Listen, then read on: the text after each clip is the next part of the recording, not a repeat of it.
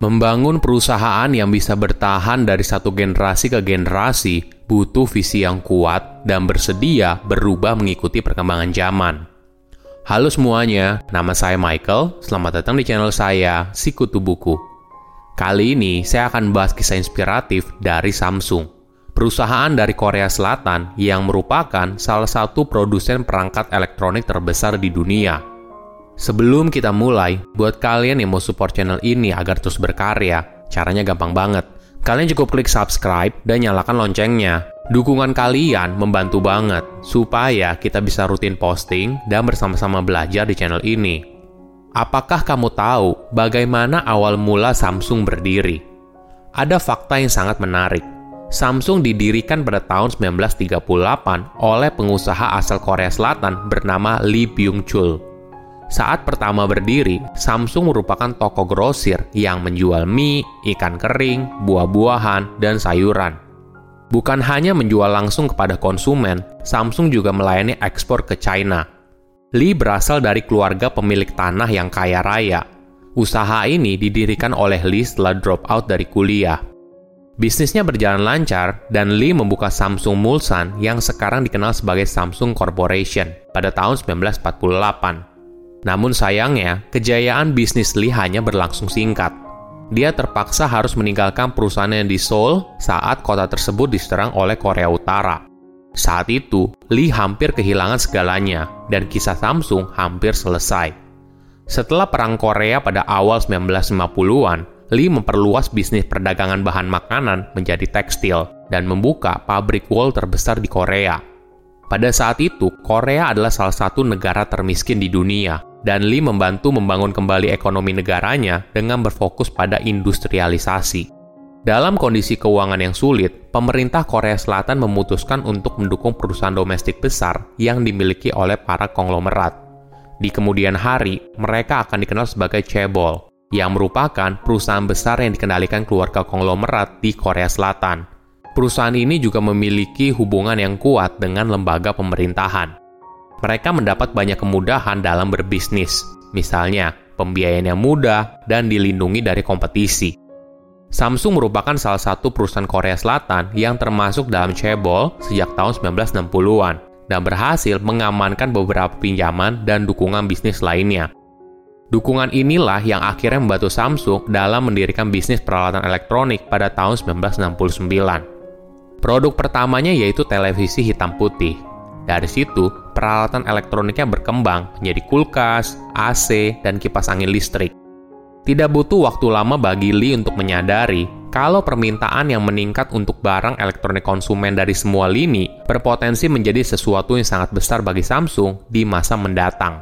Namun di sisi lain, Lee juga sadar kalau banyak komponen yang digunakan di dalam produk Samsung berasal dari luar negeri, khususnya dari Jepang. Inilah yang membuat Lee akhirnya memutuskan untuk masuk ke bisnis semikonduktor pada tahun 1974. Di masa depan, bahkan banyak iPhone yang diproduksi oleh Apple menggunakan memori chips dari Samsung. Walaupun Samsung sudah merambah ke bisnis elektronik, permasalahan utama saat itu adalah kualitas. Produknya dikenal sebagai barang murah, desain yang buruk, dan cepat rusak. Ini adalah masalah yang sangat serius, Lee punya mimpi Samsung Electronics menjadi raja dalam bisnis perangkat elektronik.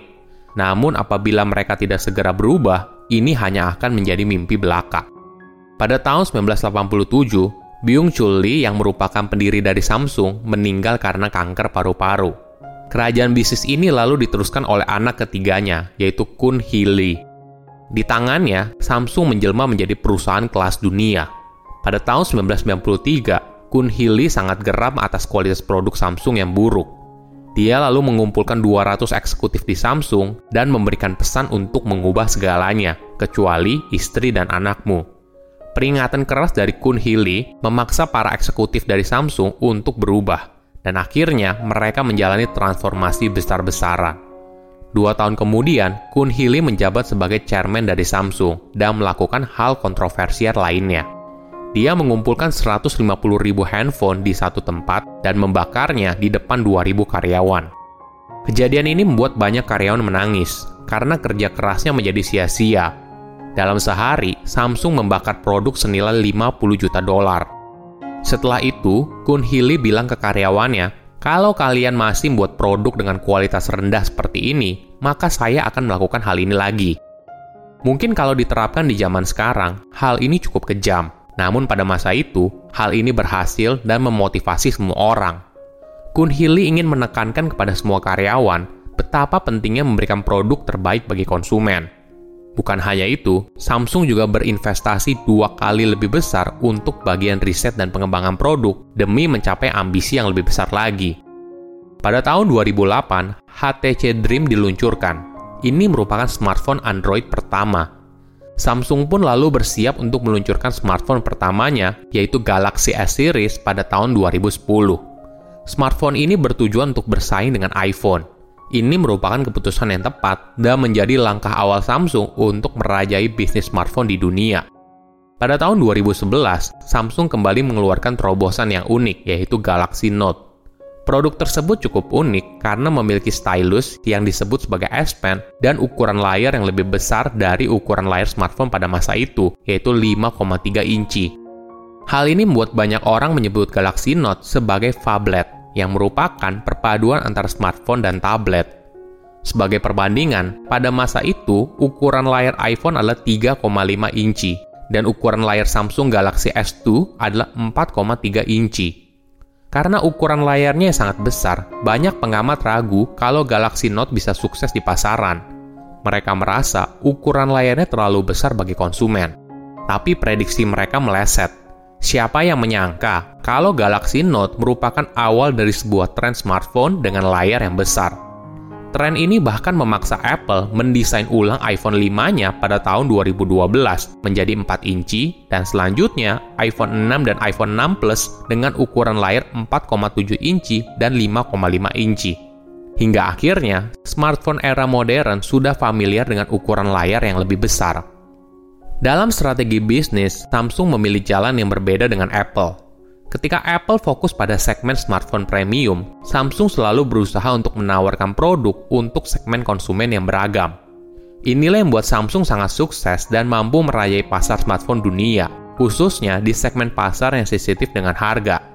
Contohnya begini, pada tahun 2018, merek smartphone dari China seperti Oppo, Xiaomi, Realme, dan sebagainya mulai naik dan menargetkan pasar middle low. Samsung lalu memperkuat posisinya di segmen ini dengan meluncurkan Galaxy M series dan Galaxy A series. Sedangkan untuk bersaing di pasar premium dengan Apple, Samsung mempertahankan posisinya dengan Galaxy S series. Menariknya, walaupun Samsung bukan perusahaan pertama yang mengeluarkan smartphone dengan operating system Android, namun Samsung berhasil menjadi juara pasar smartphone. Berbeda nasib dengan HTC. Strategi Samsung yang selalu berinovasi dan beradaptasi sesuai tren menjadi kunci sukses dominasi Samsung di pasar smartphone. Di dunia ini tidak ada yang pasti, dan beradaptasi adalah syarat untuk bertahan. Dari sebuah toko grosir, kini bisa menjelma menjadi perusahaan dengan teknologi termaju yang ada di dunia. Silahkan komen di kolom komentar pelajaran apa yang kalian dapat ketika tahu informasi ini. Selain itu, komen juga mau tahu informasi apa lagi yang saya review di video berikutnya. Saya undur diri, jangan lupa subscribe channel YouTube Sikutu Buku. Bye-bye.